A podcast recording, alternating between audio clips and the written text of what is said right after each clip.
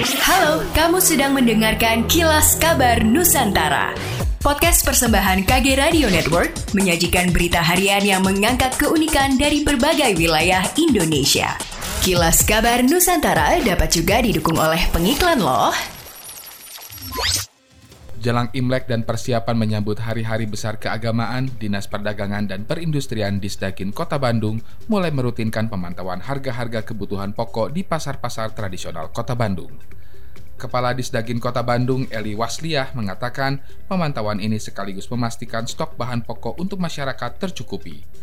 Eli mengatakan dalam pemantauan pada pekan ini, rata-rata kebutuhan pokok masih tercukupi dengan harga yang relatif dapat dijangkau. Menurutnya, jika harga kebutuhan pokok mengalami kelangkaan dan kenaikan harga di atas rata-rata, Disdagin Kota Bandung akan langsung menggelar pasar murah.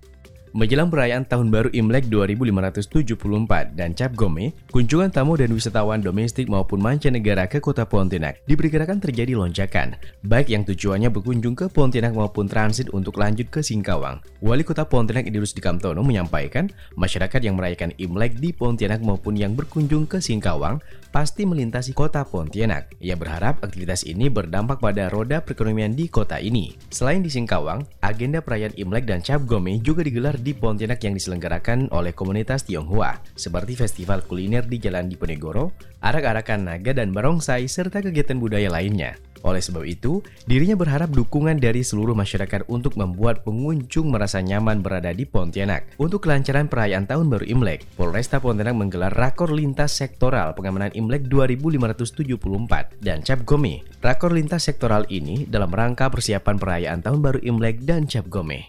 Demikianlah kilas kabar Nusantara malam ini.